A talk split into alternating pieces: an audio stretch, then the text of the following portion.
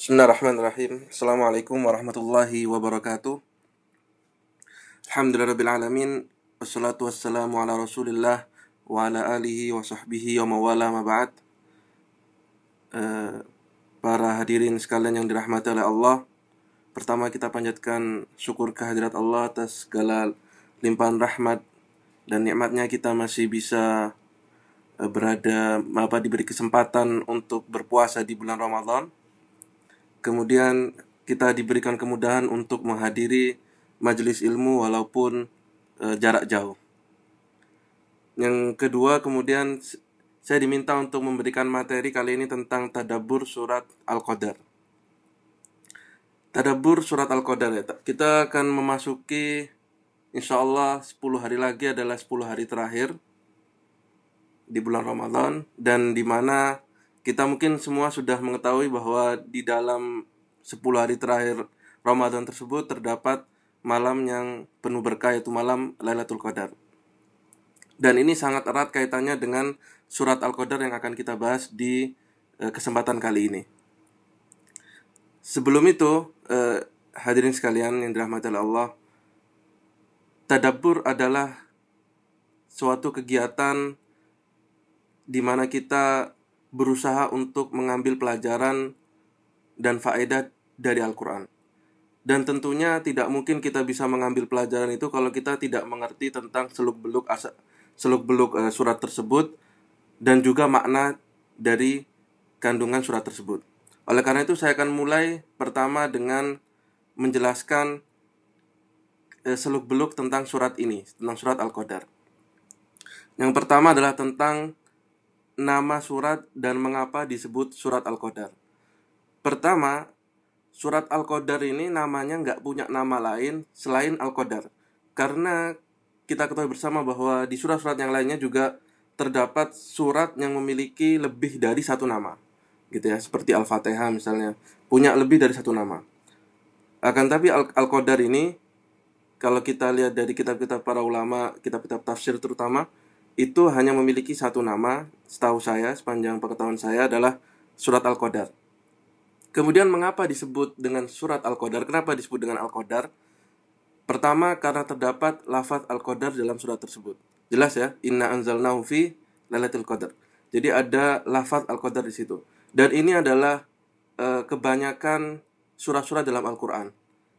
Kebanyakannya adalah karena terdapat lafaz tersebut sehingga dinamai dengan uh, lafaz tersebut pada surat tersebut gitu ya.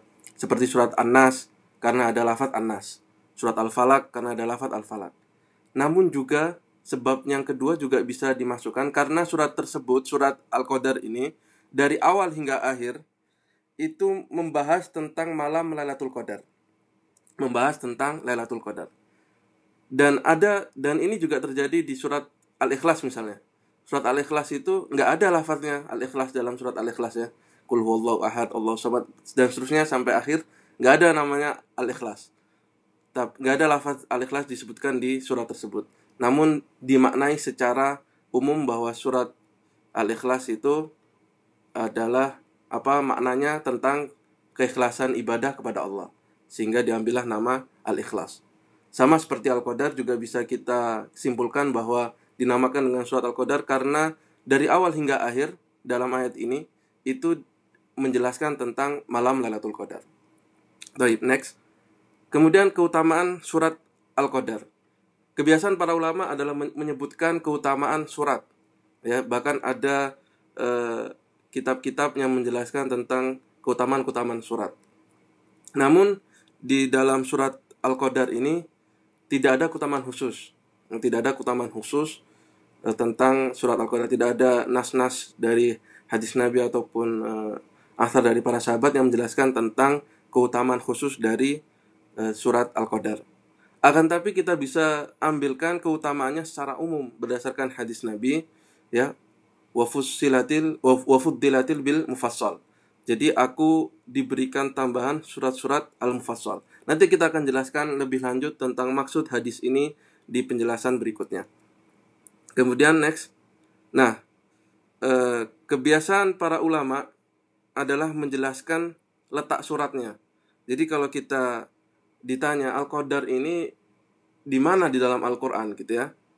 Ya, jadi di sini ada dua pembagian. Pertama berdasarkan urutannya di Al-Qur'an. Jadi kita ketahui bersama bahwa urutan yang pertama dalam Al-Qur'an adalah surat Al-Fatihah. Nggak ada yang lain ya. Surat Al-Fatihah yang pertama. Dan yang terakhir surat apa? Surat An-Nas ya. Surat An-Nas. Nah, Al-Qadar ini terletak di mana? Di dalam Al-Qur'an. Dia terletak di surat ke-97. Ya, sebelumnya ada surat Al-Alaq dan setelahnya ada surat Al-Bayyinah.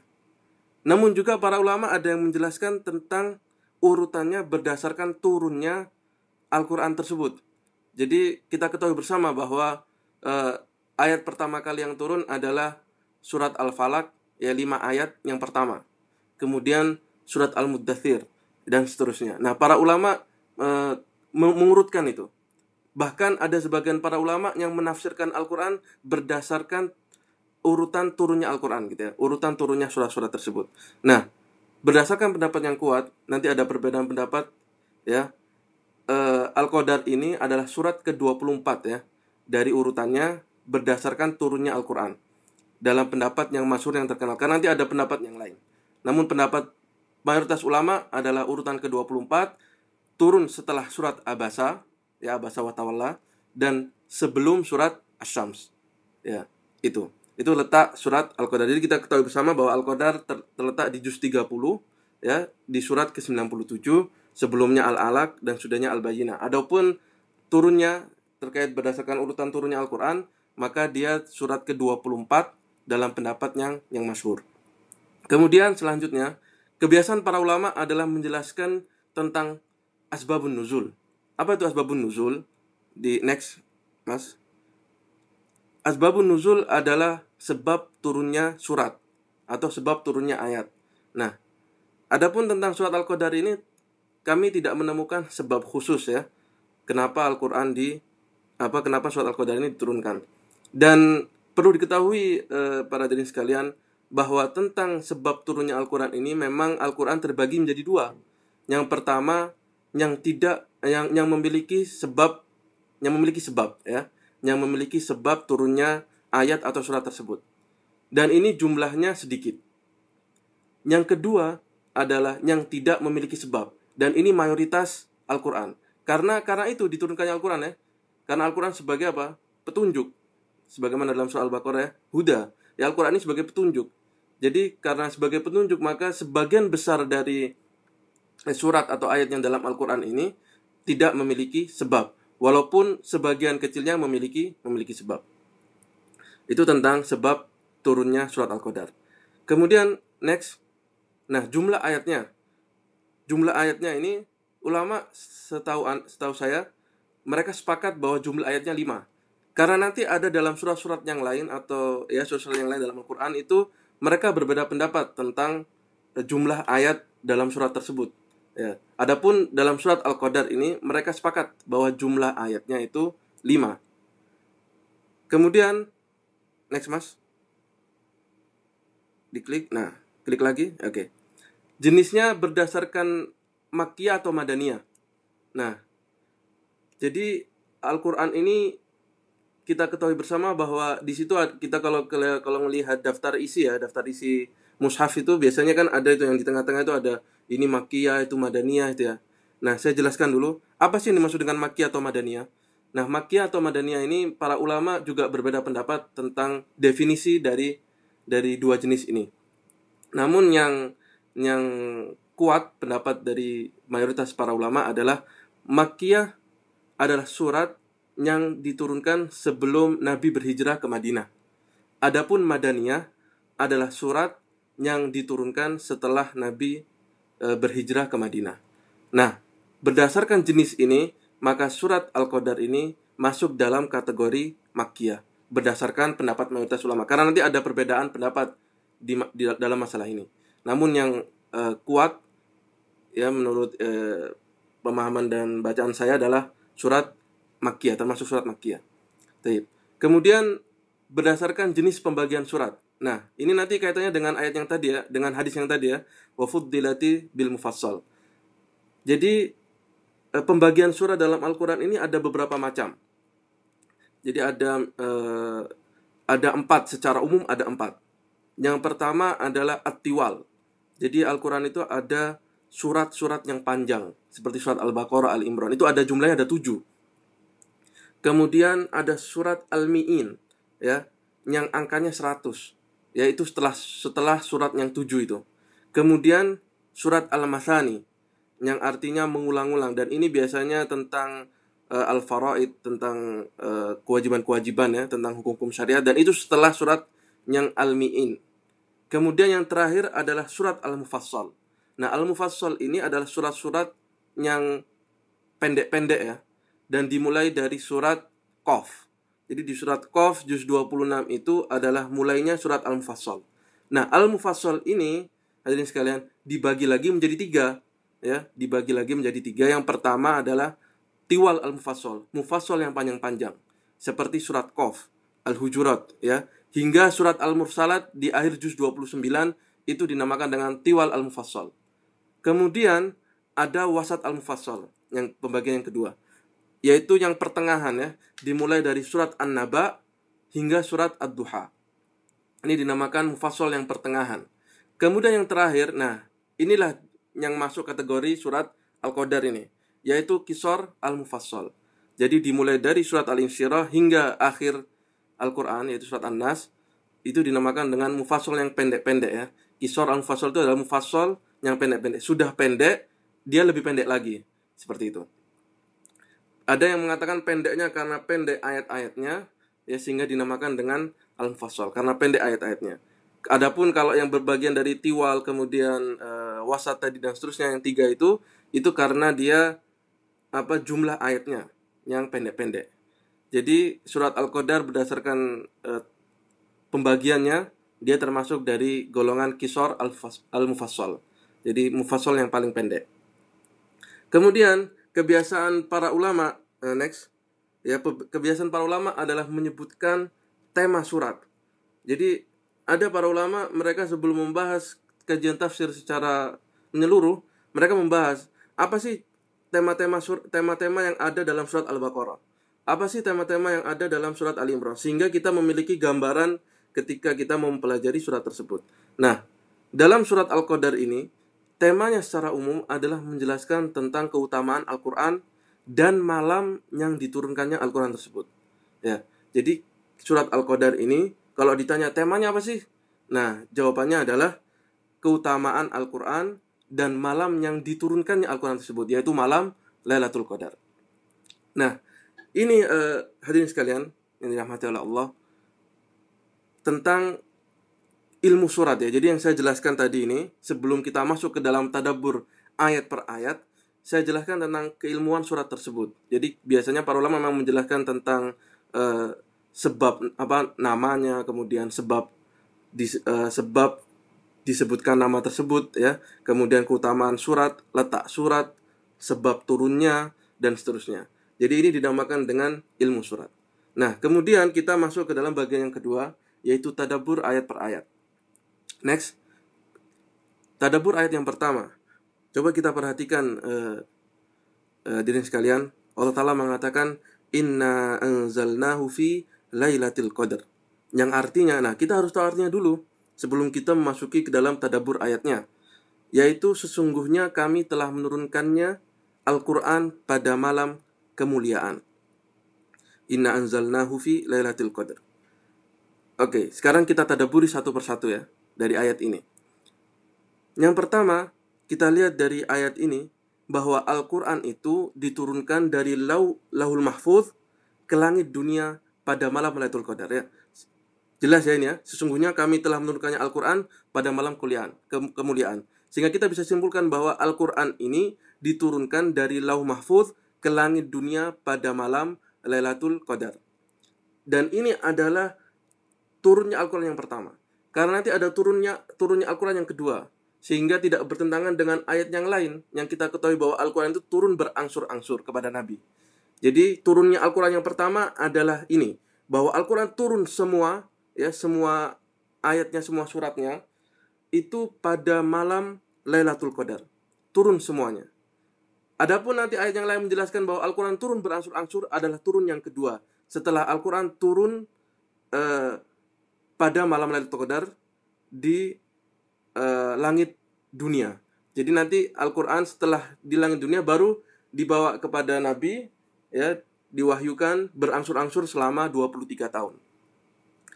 Kemudian uh, tadabur yang kedua dari ayat ini kita mengetahui bahwa coba lihat ini ya. Inna anzalnahu. Inna anzalnahu. Masih ayat yang pertama, Mas. Inna anzalnahu di situ ada dhamir ya. Al-ha itu. Sesungguhnya kami telah menurunkannya. Ya, menurunkannya itu apa? Al-Qur'an. Tapi coba lihat, Allah tidak menyebutkan dengan inna anzalnal Qur'an. Allah menggantinya dengan dengan kata ganti di situ ya, yang disebut dengan dhamir dalam bahasa Arab. Ya, dengan kata ganti ha, yang artinya dia, yaitu Al-Qur'an yang dimaksud di situ. Hal ini apa? Di sini sebagai isyarat eh, hadirin sekalian bahwa ini adalah apa bentuk sebagai bentuk petunjuk akan agungnya Al-Qur'an. Ya, dan ini adalah bentuk sastranya Al-Qur'an. Ya, ini bentuk sastranya Al-Qur'an, tingginya sastranya Al-Qur'an. Dan yang kedua, uh, hadirin sekalian, inna anzalnahu jadi di situ disebutkan dengan dhamir nun ya. Itu kami adalah maksudnya adalah Allah ya. Tapi tapi di situ hadirin sekalian jangan salah paham ya bahwa kami di situ bukan sebagai kata ganti jamak ya. Kalau bahasa Indonesia kami itu jamak ya, lebih dari satu. Saya dengan Dokter Zen, kemudian dengan teman-temannya Dokter Zen adalah kami. Kami sedang me, me, apa, mengadakan kajian. Maka ini bentuknya jamak. Tapi kalau dalam bahasa Arab dia ada dua jenis bentuk nun ini ya. Nahnu atau kata ganti nun ini bisa bermakna jamak lebih dari satu, bisa juga bermakna keagungan. Dan ini yang dimaksudkan oleh Allah Ta'ala di di sini ketika menyebutkan dirinya. Jadi bermaksud keagungan dirinya. Ya, jadi kami di sini adalah bentuk keagungan dirinya yang menurunkan Al-Qur'an. Serta bahwa di sini menunjukkan bahwa Allah lah yang menurunkan Al-Qur'an. Dan ini juga menunjukkan besarnya kemuliaan dan keagungan Al-Qur'an yang diturunkan. Subhanallah. Kemudian eh, kita juga bisa mengambil eh, tadabur di sini. Coba lihat ya, Lantaran agungnya Al-Quran di sini ya, maka waktu atau momen diturunkannya pun ikut menjadi malam yang paling agung. Karena Al-Qurannya. Karena Al-Quran ini agung, mulia, maka malam diturunkannya juga malam yang paling agung ya, malam Lailatul Qadar. Dan diturunkan di kapan? Bulan Ramadan. Ya, bulan Ramadan adalah bulan yang penuh berkah, bulan yang agung juga. Dan diturunkan kepada siapa? Rasulullah, nabi yang paling mulia. Jadi subhanallah, ini semua adalah mulia semua apa menunjukkan bahwa Al-Qur'an adalah sebagai uh, kemuliaan dan keagungan. Kemudian kita bisa juga uh, ambil faedah di sini bahwa di antara ibadah yang paling utama pada malam Lailatul Qadar walaupun nanti kita akan jelaskan uh, lebih lanjut di slide yang terakhir uh, bahwa membaca dan mentadaburi dan mengkaji Al-Qur'an adalah salah satu ibadah yang agung di saat malam Lailatul Qadar. Kemudian next di tadabbur ayat yang kedua Allah Ta'ala mengatakan wa ma adraka ma Lailatul Qadar. Dan tahukah kamu apakah malam kemuliaan itu? Coba kita lihat perhatikan ini uh, hadirin sekalian. Allah uh, menggunakan bentuk pertanyaan ya. Dan tahukah kamu apakah malam kemuliaan itu? Pertanyaan ini ya ini mengikrarkan bahwa kita manusia ini tidak tahu banyak ya tidak akan tahu banyak tentang agungnya malam ini di sisi Allah. Sehingga Allah eh, dalam hal ini memberikan lafaz pertanyaan ya sebagai apa bentuk pertanyaan. Bentuk pertanyaan. Karena menunjukkan bahwa manusia ini memang tidak tahu banyak tentang agungnya malam ini. Gitu ya. Kemudian yang kedua adalah tanda tanya ini juga berfungsi kata para ulama ya. Itu menunjukkan betapa agungnya dan betapa mulianya malam ini yaitu malam Lailatul Qadar. Dan coba yang kita perhatikan eh, hadirin sekalian. Kenapa Allah sebutkan lagi itu malam kemuliaannya wa ma adraka ma Lailatul Qadar. Di ayat yang pertama Allah jelaskan inna anzalnahu fi Lailatul Qadar. Kenapa Allah tidak menggunakan bentuk eh, ayatnya itu seperti ini dan tahukah kamu apakah itu? Ya dengan kata ganti misalnya. Tapi Allah menyebutkan lagi Lailatul Qadarnya disebutkan lagi. Kita kalau ngomong dengan orang ya, misalnya Mazen adalah seorang dokter. Ya. Kita akan di di kalimat yang kedua kita akan sebutkan apa? Kata ganti biasanya kan? Kan seperti itu. Beliau adalah apa misalnya uh, seorang aktivis dakwah di kampus UNER. Pakai kata beliau. Tapi kita perhatikan di sini. Allah Ta'ala di ayat yang pertama sebutkan Lailatul Qadar. Di ayat kedua diulang lagi Lailatul Qadarnya. Ini menunjukkan bahwa Allah ingin menjelaskan kepada kita betapa agungnya malam Lailatul Qadar. Sehingga diulang kembali. Ya, diulang kembali di ayat yang kedua. Untuk menegaskan. Kata para ulama biasanya disebutkan dengan lit taukid. Jadi sebagai bentuk penegasan keagungan Lailatul Qadar secara khusus tanpa keagungan Al-Qur'an. Karena keagungan Al-Qur'an sudah diketahui. Hadirin sekalian, sudah banyak disebutkan dalam Al-Qur'an. Ya, jadi eh, di dalam ayat ini Allah ulang lagi kata Lailatul Qadar adalah sebagai bentuk keagungan dan kemuliaan. Taib. Next ayat yang ketiga. Tadabur ayat yang ketiga. Allah Ta'ala berfirman, Lailatul Qadri khairum min alfi syahr. Yang artinya malam kemuliaan itu lebih baik dari seribu bulan. Ya, jadi malam kemuliaan itu lebih baik dari seribu bulan. Yang pertama, kita perhatikan eh, hadirin sekalian.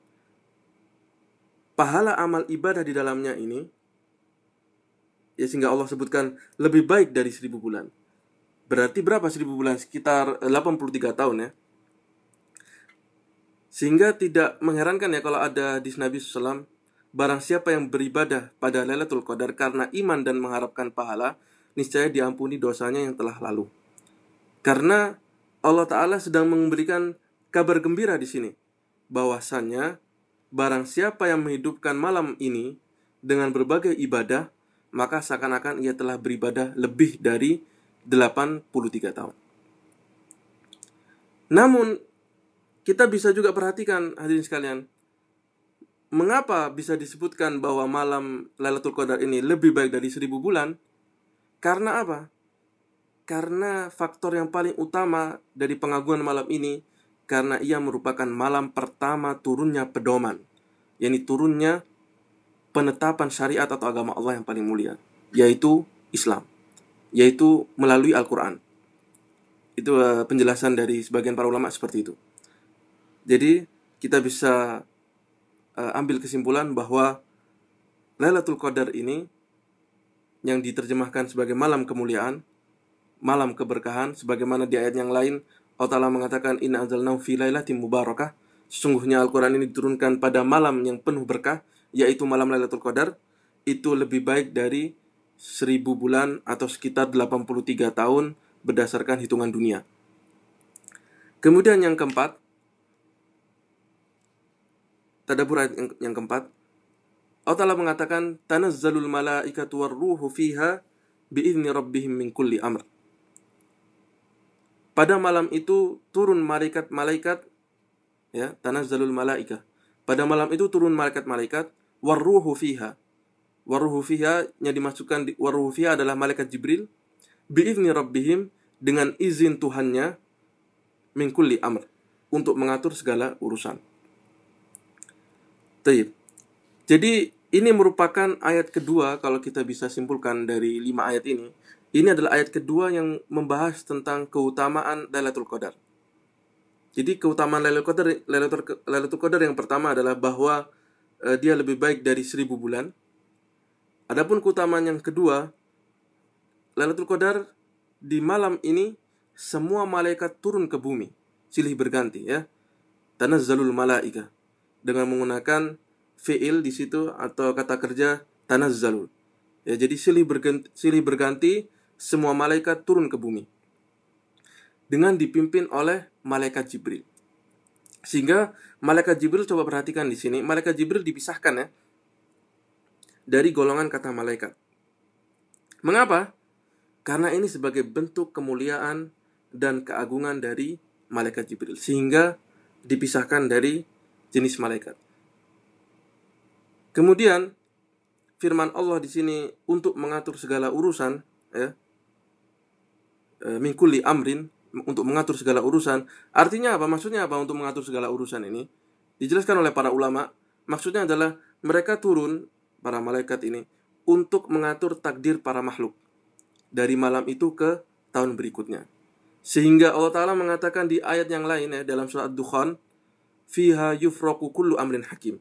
Pada malam itu dijelaskan segala urusan yang penuh hikmah. Maksudnya adalah dijelaskan tentang rezekinya, ya, tentang takdirnya.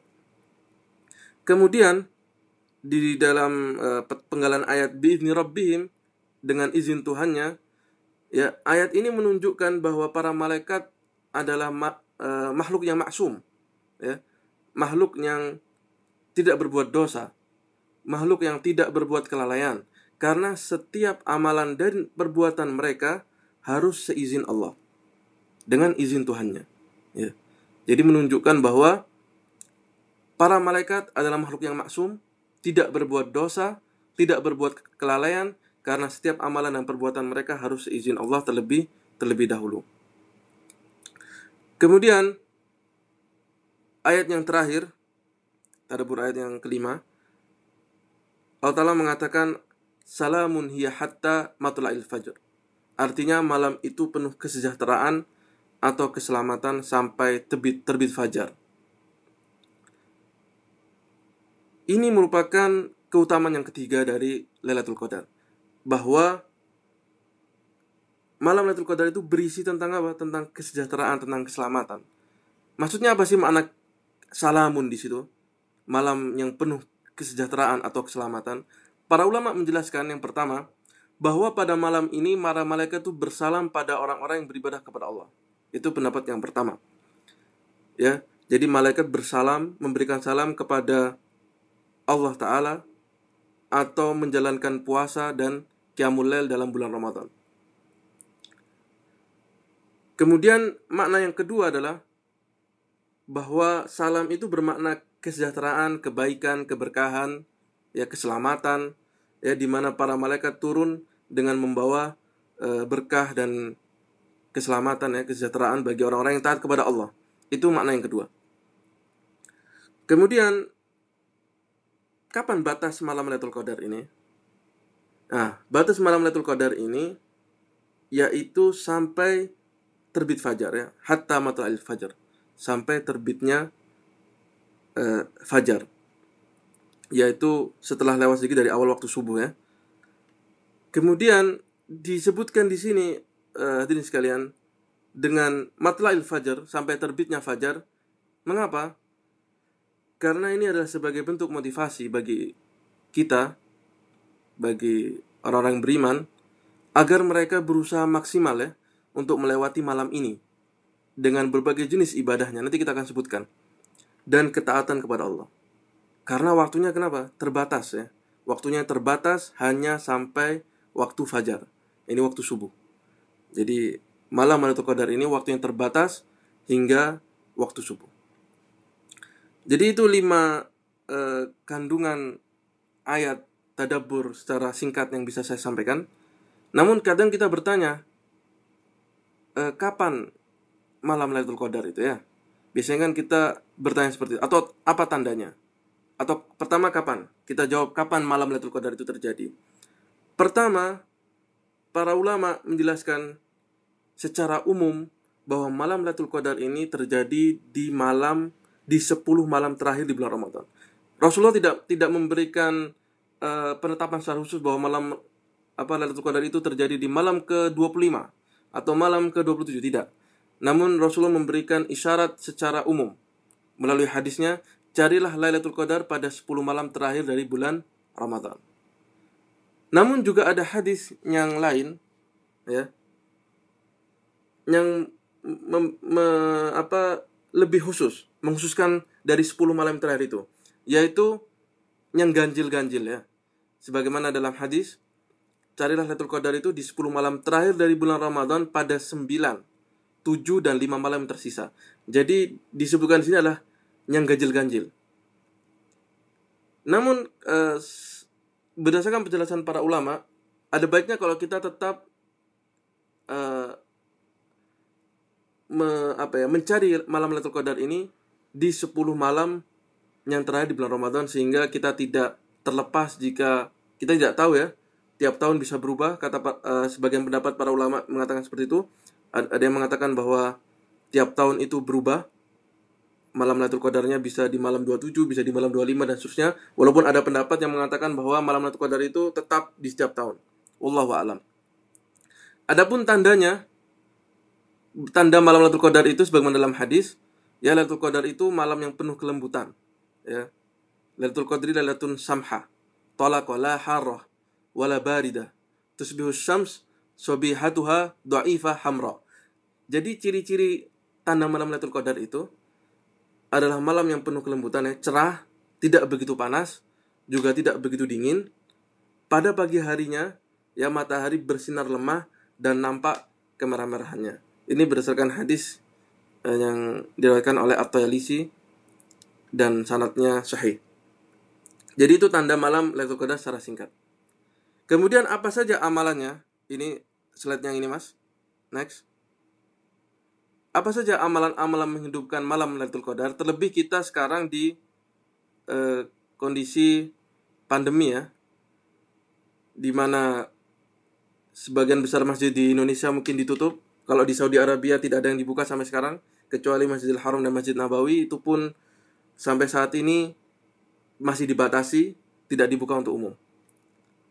Jadi apakah yang kita lakukan? Karena kita melihat asar-asar atau riwayat-riwayat dari para ulama yang menjelaskan bahwa mereka mencari malam malam Lailatul Qadar atau beribadah di malam Lailatul Qadar ini secara berjamaah di masjid misalnya. Namun ada riwayat yang lain yang menjelaskan bahwa para ulama menjelaskan orang yang beramal di bulan di malam Lailatul Qadar ini cukup dengan apa? Dengan menghidupkan Lailatul Qadar walaupun tidak sampai begadang. Khususnya kita yang di musim pandemi ya. Mungkin uh, yang hadir di sini ada di antara uh, para hadirin adalah dokter yang harus bertugas di esok harinya, jadi butuh waktu istirahat sehingga kita melihat dari uh, riwayat-riwayat yang ada bahwa mereka menjelaskan apalagi khususnya kondisi wabah seperti ini kita cukup menghidupkannya dengan sesaat tidak tidak masalah. Di antaranya adalah riwayat Imam Asy-Syafi'i di mana beliau mengatakan siapa yang menghadiri sholat Isya dan sholat subuh pada malam Lailatul Qadar maka ia telah mengambil bagian dari malam tersebut. Dan amalan yang bisa kita kita lakukan di malam Lailatul Qadar ini pertama perbanyak sholat sunnah. Ya, dan kita ketahui biasanya di Indonesia atau di Saudi Arabia juga mengadakan sholat Qiyamul di masjid ya di malam 10 hari terakhir. Jadi perbanyak sholat sunnah.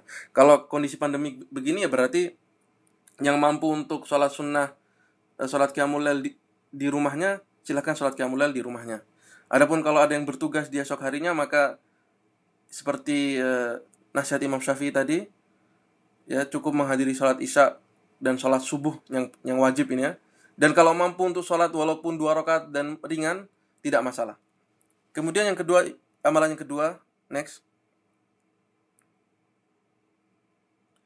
Nah, ini perbanyak doa ya. Ini adalah salah satu doa yang diajarkan oleh Rasulullah SAW dengan doa Allahumma innaka afuwun tuhibbul afwa fa'fu anni. Apa artinya? Artinya adalah Ya Allah, engkau maha pemaaf dan engkau mencintai orang yang meminta maaf, karenanya maafkanlah aku. Jadi ini terdapat dalam hadis Aisyah bahwasanya Rasulullah SAW ditanya oleh Aisyah, jika ada satu hari yang aku tahu bahwa malam tersebut adalah Lailatul Qadar, lantas apa doa yang, yang mesti kuucapkan? Maka Rasulullah menjawab dengan doa ini. Jadi perbanyak doa ini dan kalau bisa dihafalkan. Kemudian yang ketiga, amalan yang ketiga yang disebutkan oleh para ulama juga adalah memperbanyak membaca Al-Quran memperbanyak tilawah Al-Quran. Oleh karena itu, sebagian para ulama menggabung antara perbanyak sholat sunnah dan perbanyak membaca Al-Quran. Jadi menggabungnya. Jadi dalam sholat sunnah mereka membaca Al-Quran. Artinya uh, sholat sunnah tersebut di rokaat pertama, rokaat dan seterusnya mereka se seperti membaca Al-Quran ya dari hafalannya ataupun dari mushaf pun tidak apa-apa bagi yang be- belum hafal Al-Quran. Kemudian yang terakhir adalah memperbanyak zikir. Memperbanyak zikir Al-Quran. Ya, dengan membaca uh, zikir yang ma'ruf, yang dikenal ya subhanallah, alhamdulillah, wa la ilaha illallah akbar. Ataupun zikir-zikir yang lain yang bersumber dari uh, Al-Quran ataupun hadis Nabi SAW. Jadi itu tentang amalan menghidupkan malam Lailatul Qadar. Kemudian yang terakhir, next mas, oke. Okay. Rasulullah SAW mengatakan, "Man qama lailatul qadri imanan wa ihtisaban, ghufira lahu ma taqaddama min dzambi." Jadi ini adalah sebagai penegasan dan penguatan dari hadis Nabi SAW. Barang siapa yang mengerjakan sholat pada malam Lailatul Qadar karena iman dan mengharapkan pahala, maka akan diampuni dosa-dosa yang telah berlalu. Jadi uh, hadirin sekalian ini yang bisa saya sampaikan tentang sedikit uh, materi seputar tadabbur surat Al-Qadar dan apa saja hal-hal yang bisa kita lakukan untuk bisa meraih Lailatul Qadar ini. Semoga kita bisa mendapatkannya walaupun kita berada di kondisi pandemi seperti ini dan semoga Allah Ta'ala segera mengangkat wabah ini sehingga kita semua bisa kembali beraktivitas, beribadah sebagaimana mestinya kita bisa pergi ke masjid, kemudian kita bisa mudik yang mau mudik dan seterusnya. Uh, ini yang dapat saya sampaikan. Wabillahi taufiq Wassalamualaikum warahmatullahi wabarakatuh.